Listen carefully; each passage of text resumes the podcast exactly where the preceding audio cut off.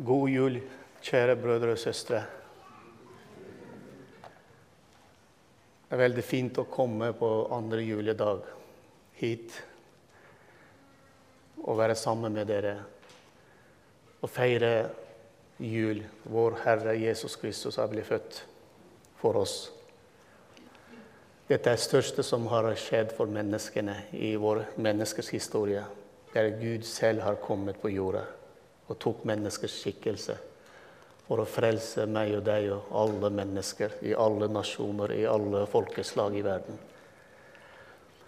Og han har gjort det, til og med meg som er kommet fra lang vekstand, som har blitt frelst. Og det er fantastisk fint at vi kan kalle oss og si til hverandre brødre og søstre bare pga. Hans blod og Den hellige ånd som vi har i oss. Og det er fantastisk fint for, som, for meg som har rømt fra landet sitt. 23 år siden jeg kom til Norge som kvoteflyktning.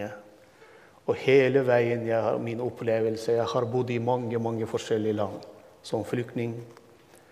Og til slutt jeg kom til Norge som kvoteflyktning. Men i hvert land, i hvert nasjon hvor jeg har vært, og jeg fortsatt reiser. Jeg har reist eh, nesten mer enn halvparten av verden. Men i alle nasjoner jeg møter mennesker som tror på Jesus Kristus. Og med en gang vi får kontakt med, selv om vi har så stor kulturforskjell, språkforskjell, alle slags forskjelligheter Men vi, er, vi har noe felles som drar oss til hverandre. Dette er den ånden som vi har i oss. Så her i Norge det folk pleier ikke kalle hverandre som bror og søster hvis de er ikke sånn fysisk bror og føst, eller i samme familie. Men i, i den området som, som jeg kommer fra, alle kristne kaller hverandre bror og søster. Dette er mer, mer tilknytning åndelig enn en fysisk. Så Derfor jeg kaller dere brødre og søstre pga. Jesus Kristus. Tenk på det hvis jeg ikke har vært kristen, som kommer til alle andre flyktninger som er i Norge, som har et stort barriere for å integrere til norsk samfunn Første problemet er det religion.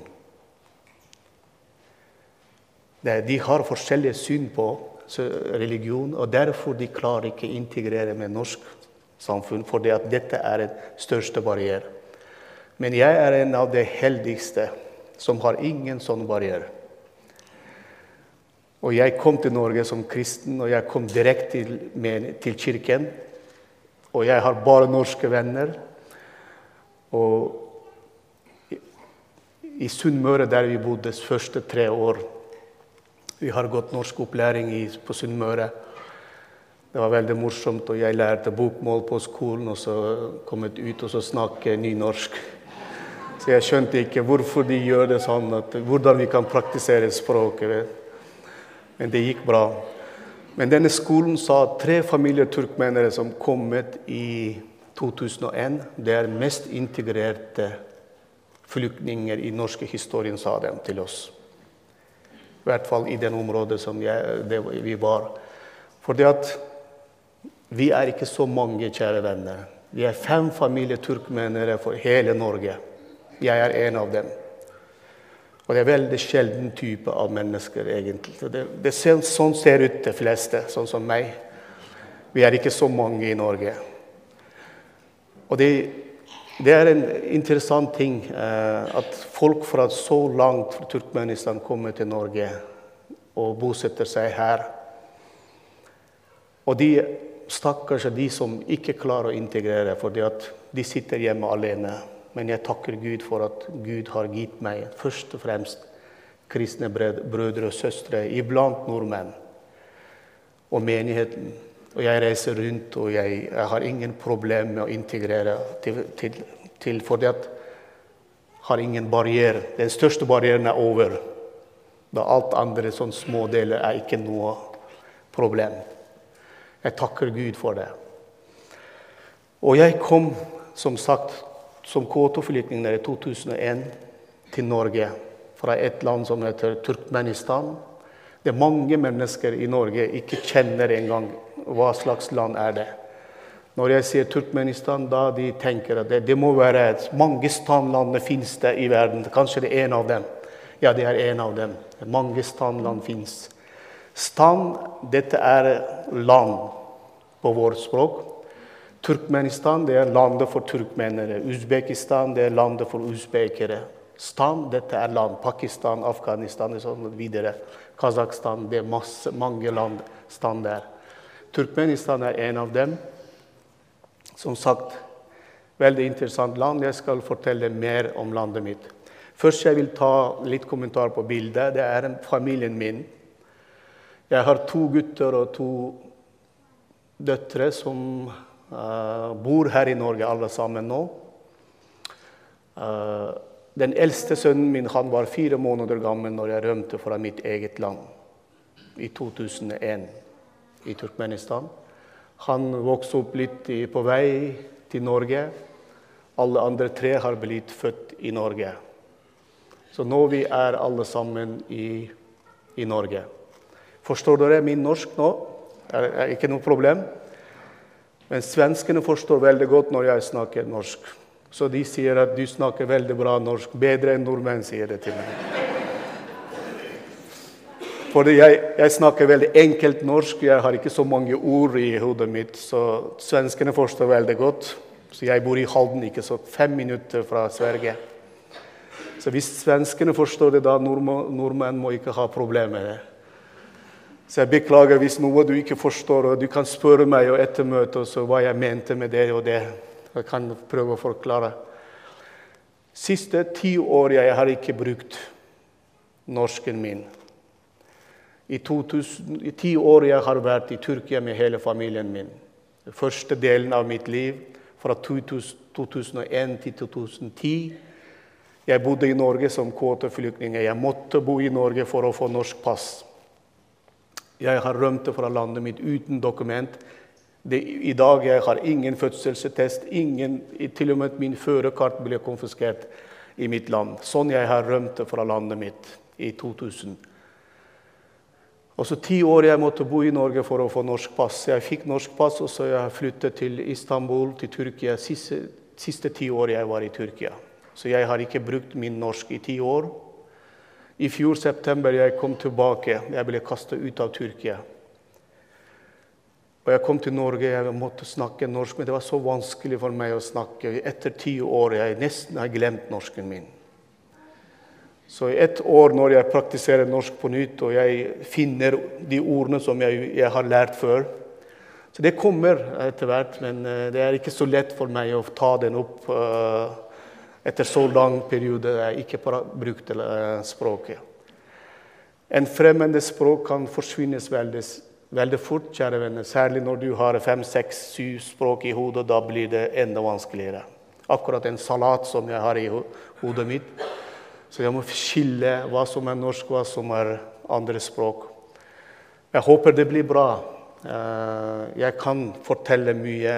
Eh, og hvis dere ikke forstår, jeg kan gjenta det etterpå. Dette er landet mitt som heter Turkmenistan. Dette er veldig, veldig, veldig varmt land, kjære venner. 85% av mitt land er ørken. På sommertid temperaturen stiger over 50 grader varm. Min bror han har gjort sånn, han fikk sånn en, en sånn temperaturmåler.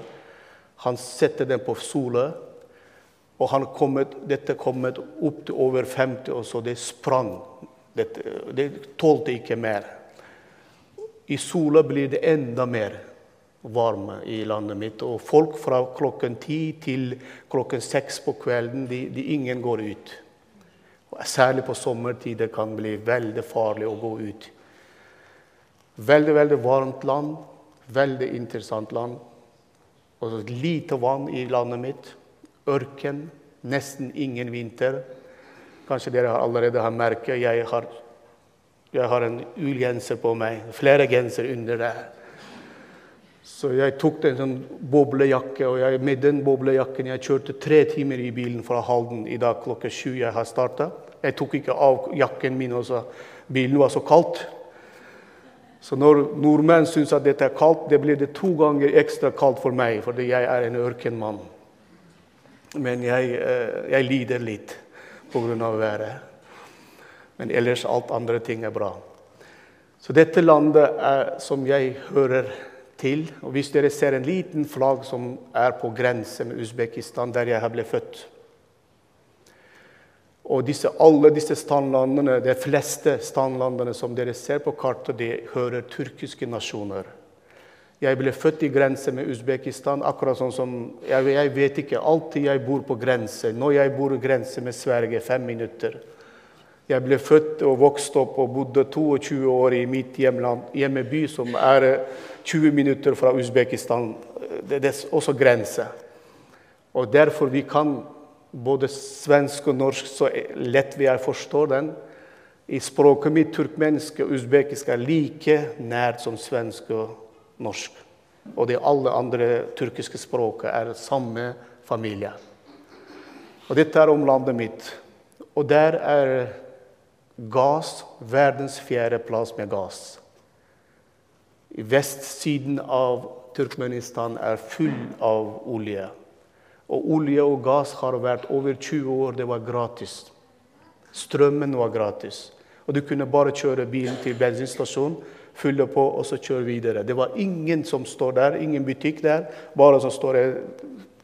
Du kan bare fylle på.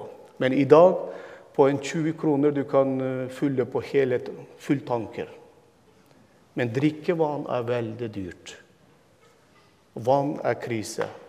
Men olje, gass og strøm Mennesker ikke tenker engang på prisen. Ingen, ingenting du betaler for det. Men frihet i mitt land er veldig, veldig, veldig dyrt, kjære venner. Jeg vil si en liten ting om ytre frihet. Vi i Norge vi vet hva ytrefriheten vår er. ikke sant? Hvis noen vil prøve å bestemme over oss, da vi allerede blir urolige og så sier at hvor hvor er friheten? Men i mitt land, min president bestemmer alt. Og jeg sier til deg bare ett eksempel. Han bestemmer at ingen skal kjøre sin bil ut i trafikken. Hvis bilen din er en annen farge enn hvit farge, da du kjører ikke bilen din ut i trafikken. Hvis du vil kjøre bilen din ut i trafikken, da du må male den til hvit farge. Fordi han liker ikke andre farger. Kan du tenke da, da, da Vi skal ikke snakke om mer om ytre frihet når det, situasjonen er slik. Bare, det er ikke skriftlig lov. Det er bare han ikke liker den fargen. Og så du, du må male din bil til hvit for å kjøre ut i trafikken. Det betyr at hvis han bestemmer over din bilfarge, da han bestemmer over alt. Og hva du skal spise, hva du skal, uh, hvilken film du skal se, hvilken bok du skal lese, og hvilken musikk du skal høre. Til og med han bestemmer hvilken klær du skal ta på deg. Dette er landet som jeg kommer fra. Et veldig, veldig interessant land. Det var ikke bra for kommunistisk tid, som jeg ble født. Det var veldig stor begrensning og veldig sånn bare én politisk parti som har kjørt det. Men vi har blitt selvstendige i 1991. Det blir ikke noe frihet der. Men det er fortsatt enda verre enn kommunistisk regime i mitt land. Men jeg tar en annen bilde som beskriver veldig, veldig mye situasjonen i mitt land. Vet dere hva det er? Dette er en stort hull som er veldig, veldig populært i Dere kan google og skriv på Google 'Døren til helvete'. Den, den heter den. Mitt land har det. Dessverre. Det ikke det døren til himmelen, men døren til helvete fins det der. Men dette er 1971 har kommet enormt stor gass ut av ørkenen. har blitt veldig mye forurenset. Og så russere sa at vi må lukke den, men de klarte ikke å lukke den. Og så En av dem sa at vi skal bare brenne den, og da brenner de ut, og så, og så blir det bra. Og de brente den. I dag er det 52 år. Den fortsatt brenner den, den ikke slutter. Og dette har fått et navn. Jeg vet ikke om hvem som kalte det, men døren til helvete. Det er veldig sjelden bilde du kan se i verden. Og det er et stort, stort hull. Det er flere hull finnes det. Det er ikke eneste. Men dette er i mitt land. Når du ser virkeligheten om frihet, om det vi opplever i landet vårt Dette er virkelig helvetes porter fins i landet der. Jeg hopper over litt. Og jeg kan godt si om kulturen vår veldig mye. Eh, men selve nasjonen er veldig åpent, veldig gjestfri. Veldig snill folk som bor i Turkmenistan.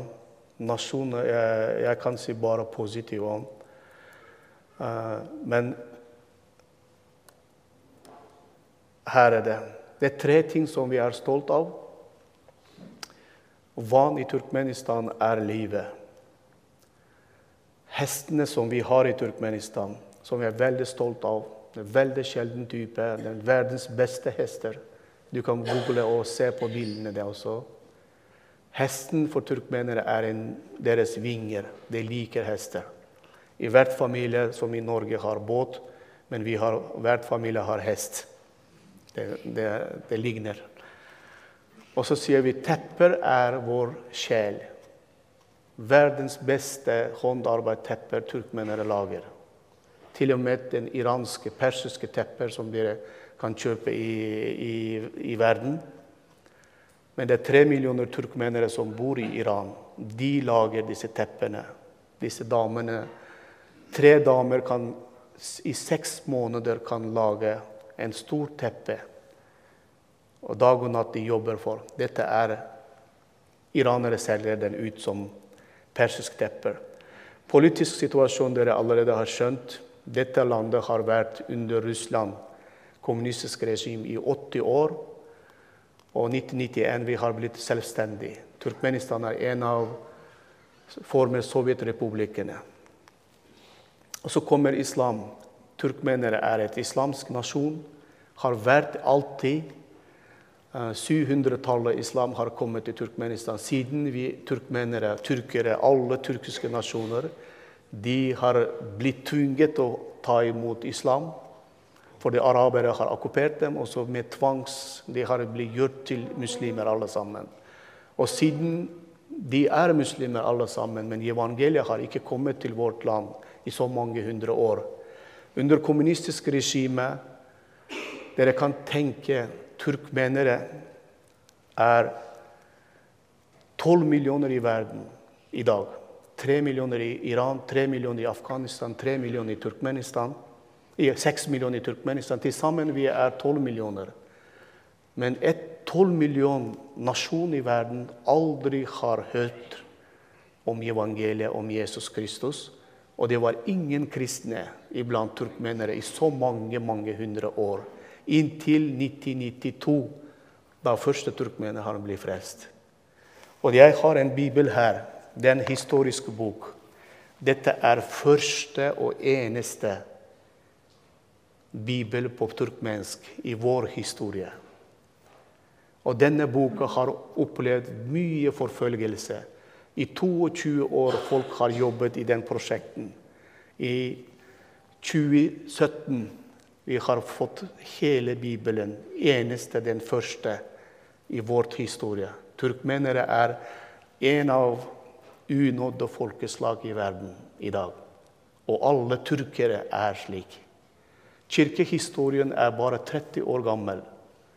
Og kirkehistorien jeg er fra begynnelsen av. Første kirken har blitt startet. Første husmenigheten med fem-seks stykker. I 1993 jeg var en av dem. Jeg var 17 år gammel når jeg ble frelst.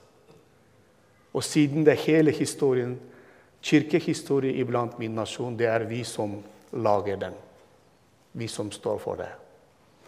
Tenk på det. Et land som ligger geografisk veldig interessant plass, har opplevd så mange kriger fra mongoltatarene til Persia, Babylon, Ottoman-imperiet og Russland og hva det måtte være. Og de har slettet så mye. Evangeliet fikk ikke komme så langt til de nasjonene. Islam vil ikke oversette Bibelen til Turkmenistan. Kommunistisk regime har ikke tillatt til det. Men nasjonen ligger i mørket, aldri har hatt tilgang. Og de bare vet at det kommer tre bøker fra himmelen før Koran. Taurat, Zabur, Injil. Dette er Bibelen. Men ingen hadde tilgang eller hadde mulighet til å lese hva som står i disse bøkene. Ingen hadde den muligheten. Nå vi har den muligheten å lese den. Vi har trykket ut så mange bibler på turkmensk, men turk turkmenske myndighetene vil ikke ha disse bøker. De sier at vi trenger ikke bibel i Turkmenistan. Dette er veldig interessant. Tenk på det han som heter førstepresidenten. Han Turkmenbashi. Han har, blitt, han har former Sovjet kommunistisk statsminister. Når har vi blitt selvstendige? Han ble president. Og plutselig han fikk en idé, og han skal bygge en kult som skal være mer enn islam, men mer enn Mohammed, mer enn Lenin. Og han skal være den høyeste. Og så Han fikk den tittelen turkmenbashi. Det betyr at han er hodet av alle turkmenere, og han er den høyeste. Tenk på det. Han, mens han levde, han bygde sin statue overalt. Og de, han har gått mer enn disse kommunistiske eh, ledere. Og til slutt han fant ok, da han må ha en grunnlag for å, for å enda opphøye seg selv. Han sa at det, det gjelder ikke bare å bli hodet av turkmenere. Han måtte lage en religion. Og han har gjort det. Og han har skrevet en bok som heter Ruhnama. Dette er ny religion som turkmenere har fått etter at vi har blitt selvstendige. Denne boka er en veldig interessant bok. Innholdet av denne boka, hvis dere har tilgang til det, dere kan søke på nettet. Det fins engelsk nå. Og han tok masse historier fra Bibelen og skrev inn i boka si. Og han fikk masse historier fra Koranen, og så skrev det dit. Så litt han skrev sine egne tanker. Så til slutt han har laget en åndelig bok. Ruhnama, det betyr åndelig bok. Og denne boka har skapt så mye problemer. Og min svigermor som jobber på sykehuset, hun måtte hver tredje måned gi en eksamen for å beholde sin jobb på sykehuset fra denne boka. En, en, sjåfør, en, en som skal uh, få førerkort og går og leser trafikkreglene 16 timer. 32 timer du skal lære den boka for å få lappen for å kjøre bil. Så stor press han har hatt. Og den tiden og evangeliet kom inn, kjære venner. Se på disse bøkene. Denne boka, Rohnama, som er grunnen at jeg er blitt fengslet og torturert. Og alle kristne har fått forfølgelse fra begynnelsen av. Når vår presidenten sier han er Messia for alle turkmenere, mellom Gud og sin folk han er Messia. Men den tiden som han har vært sterk propaganda av hans bok, han har tvunget fem-seks millioner turkmenere, muslimene i vårt land, han tvunget dem til å tro på den boka. Muslimene har lest den boka på, i moskeen på lørdager. På søndager de leste Koran og ba Mohammeds navn. På lørdager de har lest denne boka i moské, og så ba hans navn på lørdager. Men da vi kristne, første kristne har sagt og forkynt sterkt det fins ingen annen navn under himmelen enn vår Jesus Kristus. Han er frelse for alle nasjoner, i alle mennesker i verden. Han var så sint når han klarte å bøye seks millioner muslimer i landet med en liten gruppe av kristne som ikke vil akseptere han som en missie. Han var ille sint. Og 2000 han har begynt å forfølge alle husmenighetene og fengsle og torturere alle ledere og pastorer som meg. Fordi han var så sint. Disse, disse bøkene er veldig interessante. Nummer én problem er den. Nummer to problem er Koran. Koran sier at hvorfor Koran skriver veldig mye om Jesus, men sier at Jesus er ikke mer enn profet. Men vi ser at Jesus er mer enn profet. Han er Guds sønn, han er frelser, han er herre. Koranen sier at hvorfor dere ikke aksepterer Mohammed som en profet, sier til oss kristne. Men vi aksepterer Jesus som en profet. Hvorfor dere ikke aksepterer Mohammed som en profet? Og de prøver at vi skal til gjøre kompromiss med dem. Men vi ser at Jesus sier 'jeg er alfa, jeg er omega', men ingen, ingen kommer til Faderen uten meg. Da vi har et stort problem. Disse bøker, Koran og denne boka, og så kommer Det nye testamentet, første Nytestamentet, 1994 til Turkmenistan. Og dette har gjort en revolusjon. Jeg har blitt frelst veldig radikalt, kjære venner. Mitt liv har vært forferdelig vanskelig som 17-åring. Jeg var avhengig av narkotika, jeg var avhengig av alkohol. Jeg har vært i slåsskamp og alle slags problemer og trøbbelmaker fra barndom av. Jeg var virkelig i mørket når jeg møtte Jesus Kristus som min frelse og herre. Den første turkmenen som han har blitt frelst, han ble frelst i Moskva, fra min landsby. Han kom tilbake til landsbyen da han fortalte meg om Jesus. Jeg tok ikke det på alvor. Så mange ganger han har fortalt om Jesus Kristus. Og det eneste, en av disse dagene har jeg blitt rørt skikkelig. Den hellige ånd kom over meg. Jeg skjønte at jeg er den verste synder. Og jeg gikk hjem etter den kvelden. Jeg falt på kne og begynte å rope på navnet Jesus. Og jeg møtte Jesus på soverommet mitt i 1993 som 17-åring. Og Jesus ga meg et nytt liv. Og jeg ble frelst radikalt. Og det var et veldig enkelt evangelium som han har fortalt meg fra ut av den liten russiske Nytestamentet som kunne han ta med seg til Turkmenistan. Han leste den liten russiske bok Nytestamentet og så oversatte den til turkmensk. Og han fortalte om Jesus. Han døde for min skyld på korset. Han reiste opp fra døden den tredje dagen. Jesus elsker meg sånn som jeg er. En Gud som meg aldri har opplevd kjærlighet fra barndom av. Men Jesu kjærlighet var så sterk og tydelig som jeg kunne ikke si nei til ham. Jeg bøyde min kne og ba til Jesus tilgi mine synder. Frels meg. Og slik jeg har møtt Jesus, kjære venner, fra den dagen hittil Jeg har en jeg har en, jeg har en ild i meg. Dette er kjærlighetsild. Jeg elsker Jesus Kristus så høyt. Selv om jeg har opplevd så mange fengsel og så mange torturer, så mange problemer for Jesu navns skyld, men jeg elsker ham likevel. Når jeg reiser for Åpne dører som frivillig evangelist og predikant, og så sier de hvilken tittel du har i Åpen dør i Norge, så sier de Batyr er en fakkeltogspredikant. Jeg, synes, jeg, tror at dette passer veldig fint. Jeg, jeg som tenner fakler, jeg er en fakkeltogspredikant. Og den ilden som Jesus har brent i meg, han har tent den ilden.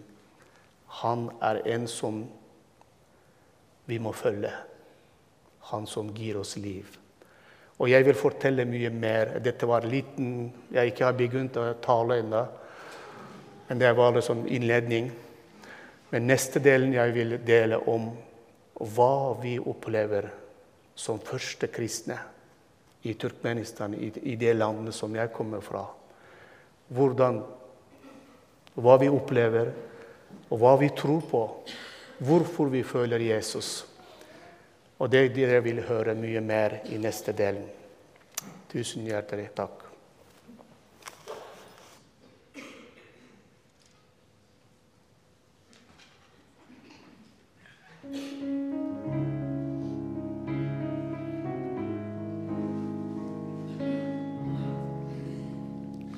Fordi han kom og var som morgenrøden og brøt Guds taushet over angst for døden.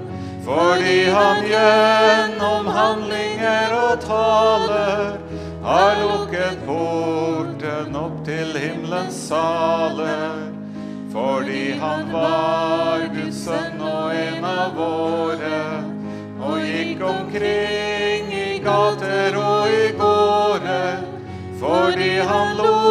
lot de siste bli de første, og lot de blinde se små folk trøste. Så kan vi holde ut i vonde tider. Så vet vi Gud er nær selv når vi lider. Så kan vårt brutte håp som solen stige. Så kan vi se at kommet er Guds rike. Så kan vi holde ut i vonde tider. Så vet vi Gud er nær selv når vi lider. Så kan vårt brutte håp som solen stige. Gud er hos oss. Fordi han jaget kremmere fra tempelet og innbød dem de fromme hadde stemplet. Fordi han lo når barna sang og danset og spredte liv som prester ikke sanset. Fordi han tømte kalken uten klage og måtte gallen fra vår ondskap smake. Fordi han bar sitt kors og våre synder, slik at hans død vårt nye liv forkynner. Så kan vi holde ut i vonde tider. Så vet vi Gud er nær selv når vi lider. Så kan vårt brutte håp som solen stige. Så kan vi se at kommet er Guds rike. Så kan vi holde ut i vonde tider. Så vet vi Gud er nær selv når vi lider. Så kan vårt brutte håp som solen stige. Gud er hos oss. Fordi en morgen så han sprenge graven, og dødens bråk ble brutt en dag i haven. Fordi Guds budskap om han ikke stanser, men bryter ut i sanger, ord og danser. Fordi Hans ånd får hjertet til å smelte, og med et pust får murer til å velte. Fordi Hans ånd får gamle til å drømme, gir unge syner om at liv kan strømme. Så kan vi holde ut i vonde tider. Så vet vi Gud er nær selv når vi lider. Så kan vårt brutte håp som solen stige. Så kan vi se at kommet er Guds rike. Så kan vi holde ut i vonde tider. Så vet vi Gud er nær selv når vi lider. Så kan vårt brutte håp som solen stige. Gud er hos oss.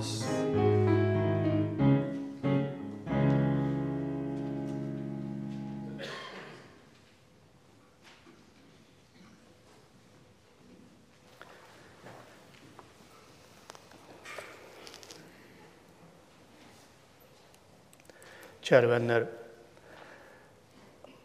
Når du, når du spør, det ofte har blitt, jeg blir spurt, særlig når jeg ble arrestert, var i fengsel. Både i Tyrkia, i Afghanistan, i Turkmenistan, i hjemlandet mitt. De politifolket, det KGB-folket som arresterer kristne, de forstår ikke hvorfor vi, vi turkmenere har blitt kristne. de virkelig ikke forstår. De, de blir så sjokkert når de hører at turkmenere har blitt kristen og forkynner kristen tro. Så når jeg var i fengsel, og de spurte meg sånn Er du så dum? Jeg sier nei, jeg er ikke dum. Du må være den dummeste som fins. Du vet ikke hva du har gjort, hva du har, hva du har valgt. Som en turkmen. Du har blitt kristen. Du ikke tenkte engang konsekvensen av hva du har gjort. Men jeg vet ikke hvordan jeg kan forklare det. Men for en nordmann, hvis han nordmann, unge nordmann blir frelst og blir kristen Da folk sier til han at 'Å, du har kommet tilbake til fedrene sin tro'. ikke sant? Men tenk på det, en muslim som kommer til å bli kristen, hva, hva vi, våre foreldre sier til oss. Eller hva våre landsmenn sier til oss. Disse politikerne, de muslimske KGB-offiserene sier er du, er du så dum? Du kunne ikke velge noe annet. Du kunne godt velge å bli muslim og, og bli imam eller, eller mullah. Men hvorfor du har blitt kristen? Du forstår ikke en turkmenn som har blir kristen. Han svikter alt som kan sviktes på samme dag. Kan du tenke den? Kan du sette deg litt på den plassen? Jeg vet ikke hva jeg kan sammenligne det her i Norge. Men tenk på det en nordmenn som blir muslim. Da alle vil se er du rar. Men det er ikke så sterkt i Norge likevel, for i Norge er frihet. Alle kan velge hva de vil. Men i vår kultur, i vårt samfunn, er det gruppe, er så, familienettverket er så sterk, og islam er så sterk. Og med en turkmenn blir kristen, da du svikter din familie, dine venner, du ødelegger ryktet av alle din slekt og far og mor. Du svikter religion, du svikter politiske ideologien. Du svikter alt som kan sviktes, fordi du er ikke lenger en turkmen. Du er fremmede iblant dine egne den dagen når du bekjenner din kristen tro. Og særlig i vår situasjon, kjære venner. Jeg har blitt oppdratt som en kommunistbarn. Elleve år jeg har gått i kommunistisk tid. Men jeg, hele barndommen mitt har vært Vesten har vært en fiende for meg. Og jeg ble hjernevaska som en kommunistbarn. Alle eldre generasjoner forstår hva jeg snakker om. Når Sovjetunionen ble stengt som en jernteppe. Og så sier Vesten er det vondeste som fins. Sånn jeg er blitt oppdratt fra barndom. Og samtidig på muslimske bakgrunner min sier at Vesten, kristen tro og russere, europeerne Alle som kristne nasjoner er vår fiende. Og så kommer jeg til 17 år gammel, og jeg blir frelst, og så sier jeg jeg er blitt kristen. Da jeg er ingenting. Og tenk på det mange første kristne som er blitt slått og torturert allerede hjemme. Mange unge jenter har blitt slått av sin far og brødrene sine. Unge menn har blitt slått hjemme fordi at de, de største skam som du kan bringe i din familie Du kan, gjøre, du kan stjele, du kan, du kan selge narkotika, du kan gjøre hva du vil. Dette er ikke skam for familien. Men hvis du er kristen, da du, er, du bringer største skam til familien din. Du vet at jeg kommer fra en kultur som er skamkultur. Vi er veldig opptatt av hva mennesker syns om oss. og hva Skam dette er, dette er noe som man bare dør for. Du må ikke bli skam i samfunnet. Men hvis din sønn eller datter har blitt kristen, det er det største skam som er for foreldrene. Og dette er straffbart. Som første kristen i 1993 jeg møtte Jesus veldig radikalt. For meg i evangeliet fortsatt akkurat sånn som det står i Johannes 3, 16. Så høyt Gud har elsket verden og ga sin enebårne sønn. Alle som tror på Han, skal ikke gå fortapt og bli frelst. Har jeg sagt riktig på norsk? Kanskje litt, ikke helt riktig, men det, dere forstår. Men jeg kan det på min egen språk uten at veldig perfekt. Men på norsk jeg, jeg gjør det sånn som jeg kunne. Dette er to veier av livet. Men i Norge det er veldig populært å tale om første delen. Og hvis du tror på Jesus, du blir frelst. Men i Norge er det veldig lite predikanter som tør å si hvis du, ikke, hvis du ikke tar imot Jesus, hva skal skje med deg? Veldig lite som forkynnes i vår tid. Hvis du ikke tar imot Jesus, da blir det du blir fortapt for evig. Det er to veier av utgang av livet. En til evig frelse og en evig fortapelse. Men når du forkynner på den måten, når du tror på evangeliet på den måten, da blir det kraft i det. Når du vanner ut i evangeliet, da mister den kraften. Alle mennesker må ta en beslutning i livet sitt, enten døden eller fortapelse eller frelse. Når jeg har blitt frelst og radikalt, Gud har gitt meg et nytt hjerte, kjære venner. Neste dagen jeg kom til min mor, som jeg plager hele mitt liv, min søstre og mine brødre, min far Jeg, jeg gråt og falt på kne Jeg sa at pappa, mamma, dere må bli frelst. Hvis dere ikke tar imot Jesus, da dere blir for evig fortapt. Helvete venter på dere hvis dere ikke tar, tar imot Jesus. Han er den første. Han er den eneste vei til frelse. Og jeg gråt og gråt slik jeg, jeg, jeg gråt og forkynte evangeliet til alle mine venner og familie. Fordi jeg tar evangeliet fortsatt så alvor. Jeg takker til Gud at mine to sønner av mine har blitt radikalt frelst. Og nummer tre har også har jenta mi har blitt frelst nylig. Og det var en periode som min jente, som er 20 år gammel nå, studerer i Oslo har vært veldig Som, Som lever med som vanlige norske kristne. Som barndomstro. Men min, nummer to, min sønn, er veldig radikal forkynner. Han. han sa til sin søster Og de to har den nærmeste kontakt med hverandre. Så sa til min datter tenk, tenk Forstår du hva evangeliet er? Men hun sa ja, ja, jeg forstår det. Men du forstår ikke, sa det. Det broren til eh, Sa til Jeanette Tenk på det. Huset vårt brenner. Pappa er ute. Mamma er ute. Eldstebror er ute. Jeg er ute.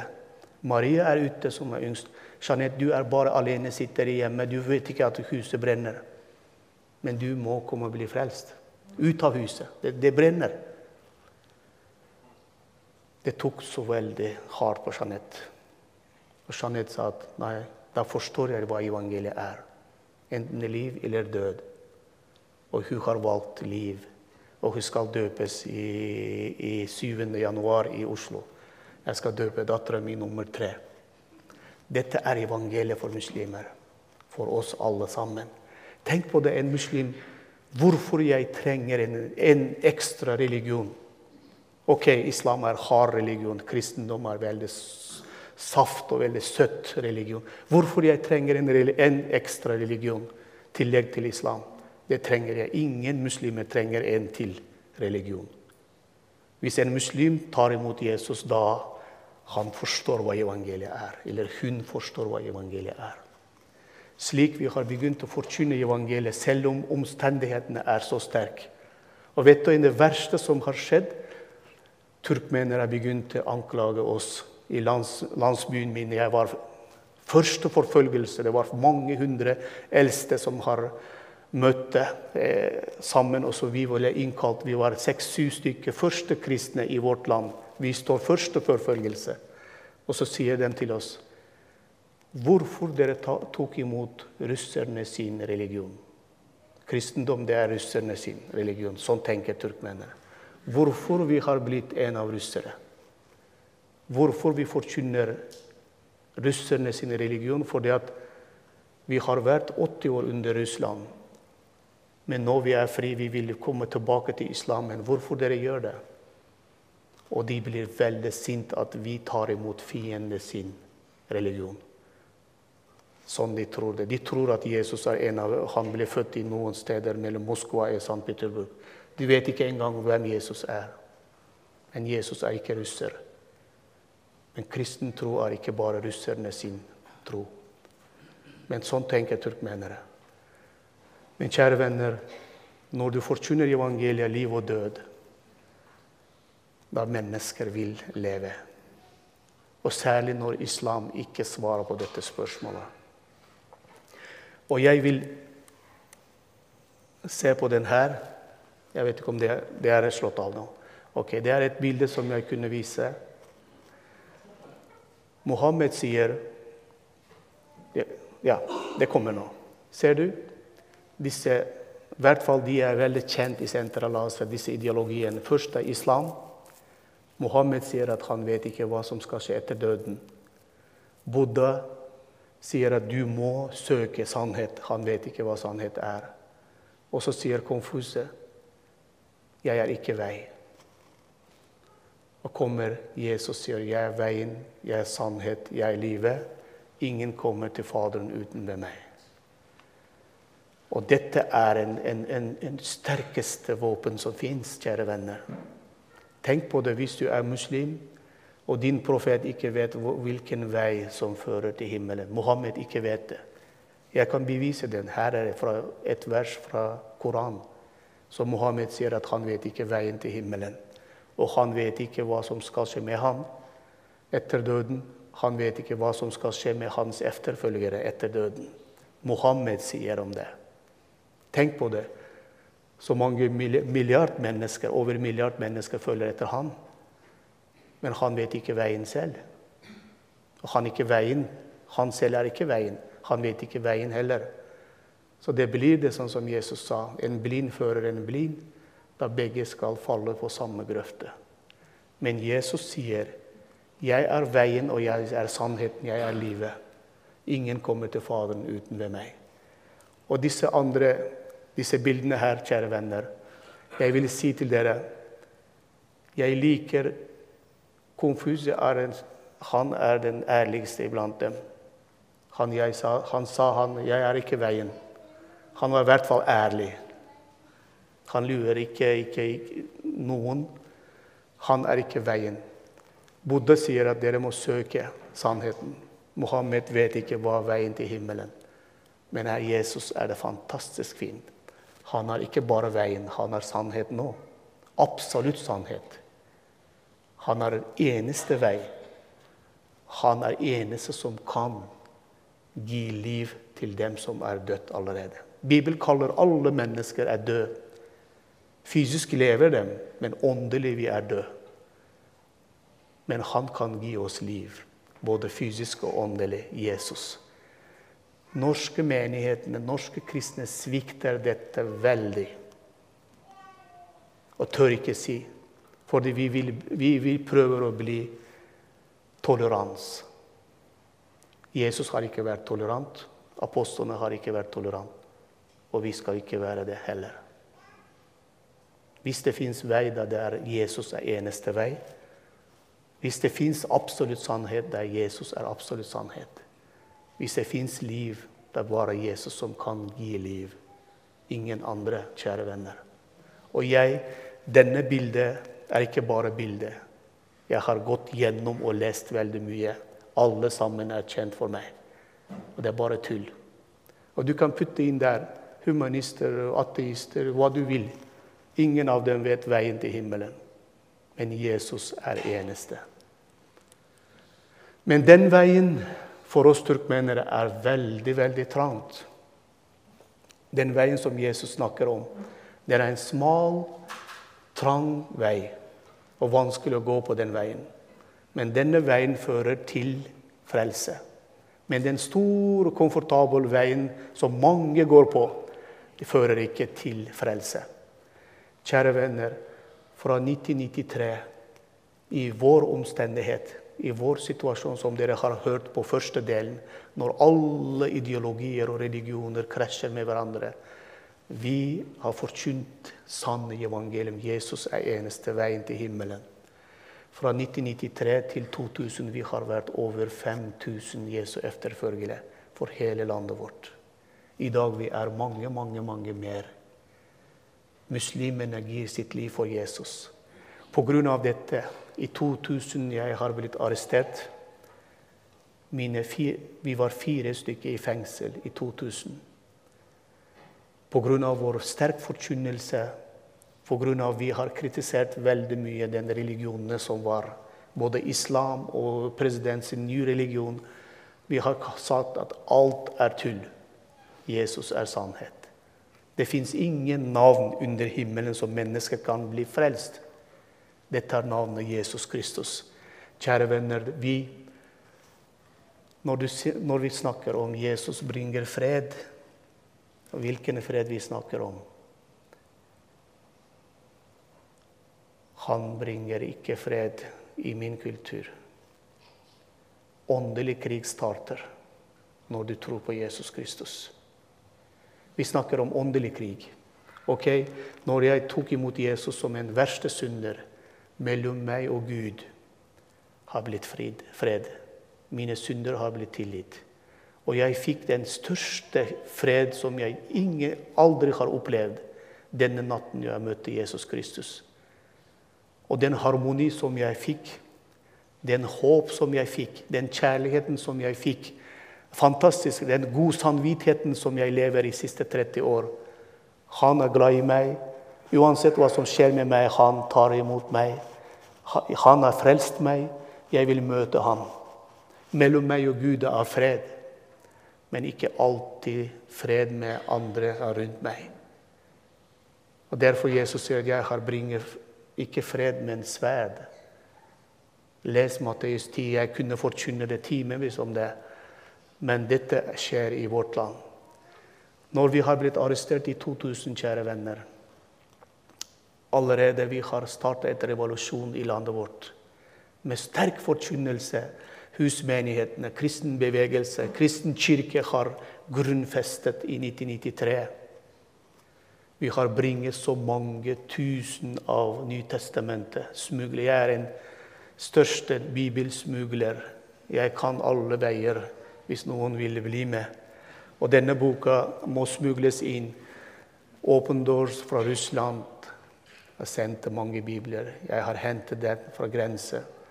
Sendte mange bibler til Iran. Vi smugler inn så mange hundre bibler, tusen bibler. Nytestamentet til Turkmenistan. Jesu film. Vi har kopiert. Flere kopimaskiner har blitt arrestert i landet mitt. Når mitt hus og min leilighet og eiendom har blitt konfiskert i 2000 Jeg fortsatt hadde tre garasjer i byen som er full av bibler. I tre år når jeg kom til Norge, fortsatt min garasje var full av bibler. Fra Norge jeg kunne distribuere alle disse biblene til husmenigheter. Pga. den revolusjonen som vi har startet i landet vårt. Fire av oss har vært sterkt blitt torturert i to uker i fengsel. Dette tortur, kjære venner, som jeg fortsatt jeg har vanskelighet å forklare dem detaljene. Men det var så sterk. Og sånn jeg har aldri opplevd. Selv om jeg er en militærmann, jeg har vært i militærtjeneste i to år. Jeg er en veltrent soldat som ni, år, ni måneder har gått en spesiell opptrening. Det var mye slåsskamper i militæret og sånn, men KGB-fengsel, KGB-tortur er noe annet. Dette er mye, mye sterkere enn noen ganger du har sett og hørt. Tenk på det, et sånt stort, stor hus, sånn, sånn, sånn, sånn rom som er her. Og i en veggen det er alle torturinstrumentene som henges. Ti stykker sterke, kraftig, veltrent KGB-offiserene. Fire av første, historisk første kristenturkmenere som en etter andre kommer inn i dette rommet. Og de sparker deg fram og tilbake som en fotball. Og du ligger med håndjern sånn bak, og du kan ikke beskytte din hode, du kan ikke beskytte noe annet. Og du bare ligger, og de sparker, og du slår deg så mye de vil. Timevis før du blir bevisløs. Når førstemann er bevisløs, de kaster ut, og så kommer det neste. Slik vi er fire stykker, de er ti stykker. Hver eneste natt du går gjennom den tortur. Og de har brukt alle metodene. Og de kler deg gassmaske, så de gir ikke oksygen. Du roper, og, eh, du roper skriker og, og får oksygen, men du får ikke det. Og det at Du må nekte Jesus og kom konvertert tilbake til islam. KGB-offiserene har knust oss så mye de kunne. Og de brukte alle andre nåler og alle slags forskjellige metoder av tortur. Og i løpet av så mange dager har vi blitt knekket, alle sammen. Dette var en forferdelig ting. Og jeg ropte så mange dager på, på natta når de torturerte meg. Og jeg hadde så, så mye forventninger. Jeg kan godt snakke om det en annen gang også. Mine forventninger var slik. Jeg har lest så mye Gamle testamentet når jeg, Gud har vist sin mirakel. Og jeg ba til Gud at han skal sende engler. Han, sånn som han har hjulpet Daniel med sine venner fra, fra brennende ovn. Jeg ba Jesus å sende engler og stoppe denne her. Men det var ingen engler, kjære venner. Jeg, mer jeg roper om Jesus, da blir de mer sinte, disse KGB-offiserene. Så, også Jeg skjønte at det, Jesus ville ikke sende noen engler for å frelse meg. Da jeg begynte å rope 'Jesus, ta mitt liv', ta meg. Jeg vil gå til himmelen, ta meg, og jeg vil ikke svikte. Men han vil ikke ta meg heller. Da blir jeg enda skuffet. Men til slutt, kjære venner, vi ble knekt totalt. Og dette har vært veldig, veldig mye smerte. veldig mye. Og jeg var 22 år gammel. Og jeg er 23 år gammel, og jeg er gift. Og min første sønn han var fire måneder. Jeg tenkte veldig mye på skal, er, jeg, er jeg klar å dø. Jeg var klar, men fordi smerten var så sterk. Jeg kunne gått, Jesus, hvis Jesus kunne ta meg jeg var klar å møte ham. Men det gikk ikke riktig vei. Jeg husker på dagtid vi står på en hoveddør til KGB, KGB-senteret, som flere hundre ansatte som jobber der. Vi fire stykker som står hele dagen ute. Ingen vann, ingen toalett, ingen mat. På kveldene de tar til torturrommet og så slår oss torturerer oss på kveldene. Når alle ansatte reiser hjem, da, da begynner tortur. Men tenk på det så mange som kommer inn og ut til, på jobb til KGB-offiserene. De sputter på ansiktet vårt. Inn og ut. Vi er den verste.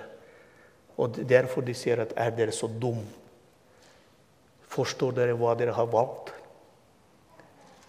En, en, en mann som har god forstand, aldri kommer å ta imot kristen tro og bli kristen. Så du, hvis du er en turkmen, det er det dummeste valg som du kan gjøre, å ta imot Jesus, som sier at 'jeg er kristen'. Og jeg alltid sier den, kanskje jeg skal skrive en bok om det. Største, jeg har gjort den største feil når jeg sa ja til Jesus. Den største dumheten som jeg har gjort i mitt liv når jeg sa ja til Jesus. Men den største feilen min har frelst meg. Fint, ikke sant? Hvis du gjør en feil, og den feilen kommer til å bli deg til gode. Den største feilen som jeg har gjort, den har frelst meg. Amen. Kjære venner, slutten av disse to uker tortur de satte meg på en elektrisk stol. På en elektrisk stol som jeg fikk mange ganger elektrosjokk. Og var den var verste. Og jeg som har ba om engler, kommer ikke. Jesus kommer ikke å redde meg. Jesus ikke tar meg inn i himmelen. Døden kommer ikke. Til slutt jeg på en elektrisk stol. Jeg har nektet Jesus. Jeg ropte høyt. Jeg sa at jeg tror ikke på Jesus lenger. Da torturen har senket seg litt. Men den er ikke helt slutt. Men de slått meg etterpå. Men de har i hvert fall elektrisk sjokk, så de har stoppa den når jeg ropte. Jeg tror ikke på Jesus. Jeg har nektet Jesus i en elektrisk stol som en første kristen i min nasjon. Og dette har vært en, dette har vært en dypeste nedergang i min kristne tro. Kjære venner, det er sant. Jeg, jeg leste boka så mye. Bibel, Nytestament og Gammeltestament. Jeg kan lese russisk og mange andre språk. Den gangen vi leste bare russisk, fordi vi hadde ikke turkmensk. Jeg leste alle historiene. Jeg vet at to som har nektet Jesus i Nytestamentet. Det er bare to som er skrevet her, men det er mange som svikter Jesus i hverdagen òg, i vår tid. Men i hvert fall det er en av dem er Jude, andre er Peter. Jude har gjort det med vilje. Han solgte Jesus for 30 sølvpenger. Han gjorde det med vilje, med planlagt. Han sviktet Jesus så, mange, så mye mens han var nær, i nærheten av Jesus i så mange år. Tre år i hvert fall. Men Peter har nektet. Hans nekte er litt annerledes. Han har nektet Jesus tre ganger, Peter òg. Men han har gikk og grått. Juda har tatt livet sitt. Men Peter har ikke gjort det. Men tenk på Peter som har forlatt alt og så gikk på, på sjøen Galilea, alle andre disiplene, og fiske når Jesus kommer. Fordi Jesus vet at Peter har ikke gjort det med vilje. Han, bare, han har fryktet, han er redd. Så Derfor Jesus selv sa i Gefsimane, hagen han sa, Ånden er villig, men kjødet er svak. Tenk på når vi svikter Jesus i hverdaglivet. Vi vet at vi gjør noe feil, men vi vet at ånden vil ikke gjøre det. Men kjødet er svak. Men de utmuker oss veldig mye. Det er akkurat samme skjedde med meg. Hvis dere vil kjenne Peter mer, dere kan invitere meg en gang til. Så jeg skal fortelle alt med følelser og emosjoner som jeg har hatt. Men etter to uker vi har blitt løslatt, og vi, de ville gjøre samme igjen med oss. Enda større. De vil at vi skal, vi skal nekte Jesus på en nasjonal TV. Det er ikke min. Men da rømte vi alle sammen fra Turkmenistan. Begynnelsen 5. januar i, i 2001. Tre familier med små barn. Vi har rømt fra, gjennom ørken. Uten dokumenter, uten, uten pass. Ingen identifikasjon jeg har hatt med meg. Alt har blitt konfiskert. Leiligheten min var konfiskert, bilen, alt som jeg eide. Så jeg sa det. Den største lekse som jeg har fått i mitt liv På en fire timer, kjære venner, kommer ca. 20 stykker polis, KGB-offiserer og lokal imamen, muslimske imam og sier det er fire timer for deg, Batyr, etter at jeg kommer ut av fengsel. Du kan ta det du kan ta av leiligheten din. Vi skal konfiskere alt som du eier på fire timer. Tenk på det å bære møblene dine på fire timer, hvor mange du kan ta ut. På en fire timer de har kastet meg og med fire måneders gutten min. Det er midt i vinter, det er ganske kaldt desember blir det. Det er veldig kort vinter vi har det, men på fire timer jeg har vært akkurat som en uteligger med små barn. Alt har blitt, De, de stempler leiligheten min. Gå ut. Ingen dokumenter, ingenting. Og da jeg har bestemt at jeg aldri skal være materialist mer, fordi det er så enkelt å miste det du har. Og vi rømte gjennom ørken til Usbekistan. Tre måneder jeg har vært der. Etter tre måneder vi har blitt sendt til Russland. Ca. ti måneder vi var i Russland. I 2001 vi kom til Norge som kvoteflyktninger og ble plassert på Sunnmøre den ytterste øy som fins i verden. For meg det er verdens ende. Det spørs hvilken side du ser på. Hvis du ser herfra østover, da det mitt land er verdens ende. Hvis du ser, ser på den veien, på den sida, da den ytterste øy på Sunnmøre blir det verdens ende. Men Gud har et stort humør i seg. Han plasserte tre familier turkmenere fra ørken til Sunnmøre. Dette er, et, dette er en humør i seg. Veldig morsomt. Veldig stor kontrast. Ørkenmann ble plassert i Sunnmøre. Og det var virkelig, virkelig eh, spennende for oss. Men særlig den største som sjokk som jeg vil fortelle. Det er mange del, del, deler av den detaljene, men jeg, noen jeg husker, noen jeg ikke. Første gangen når vi har blitt plassert i Fosnavågen, den ytterste øy, Herøy kommune Jeg vet ikke noen av dere kjenner den. Ingen.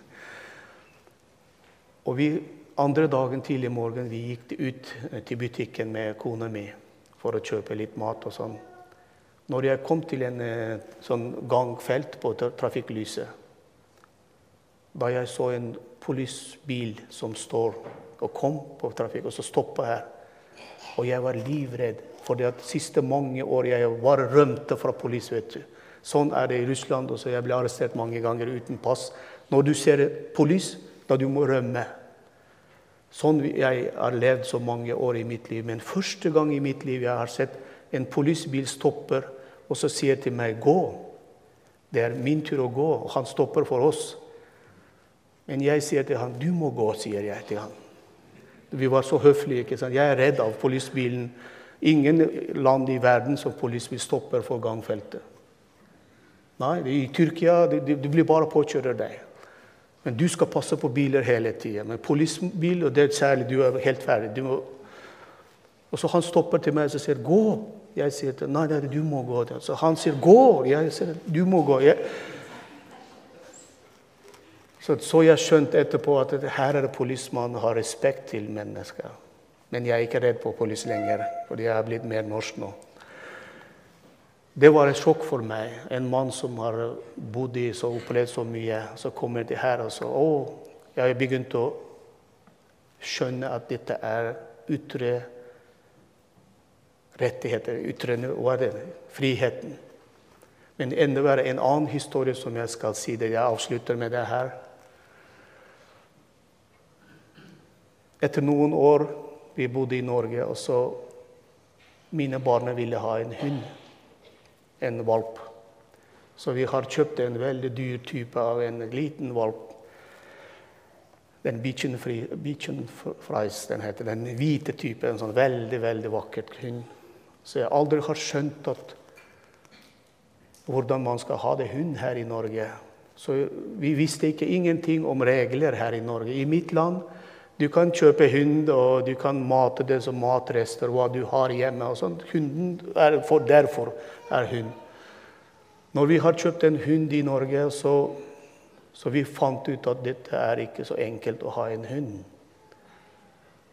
Du, og så Vi gikk til veterinæren, og så veterinæren sa at du må dusje denne hunden og så klippe neglene og denne hunden må ha vaksiner og pass og chips her. og så Du kan ikke mate med denne hunden med rest, restemat hjemme. Du må kjøpe hele tiden mat.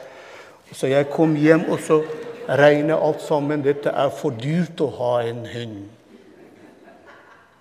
Men jeg var sjokkert over når jeg leste alle rettighetene som hunden min har. Jeg begynte å gråte. Så. Ja, det er sant.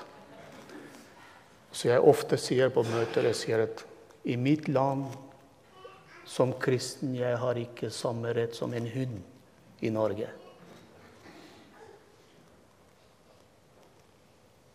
Jeg kommer fra et land som jeg har blitt behandlet så mange ganger verre, verre enn dyr kan behandles. Når jeg leste den rettigheten av en hund i Norge, så sa jeg at jeg, jeg, fortsatt jeg mener det. Jeg trenger ikke samme rettigheter som vanlige nordmenn. Men hvis jeg får en hunderettigheter i Norge, det er nok, sa jeg. Det er mer enn nok. Det er fantastisk fint. En hund Min venn som hadde problemer med hunden sin, de, de, de krasjer på trafikken, en bil som har påkjørt.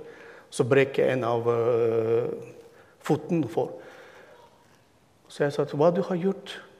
Så han betalte så mange tusen kroner. og sa De har gjort gips, og så hver måned går til kontroll til lege.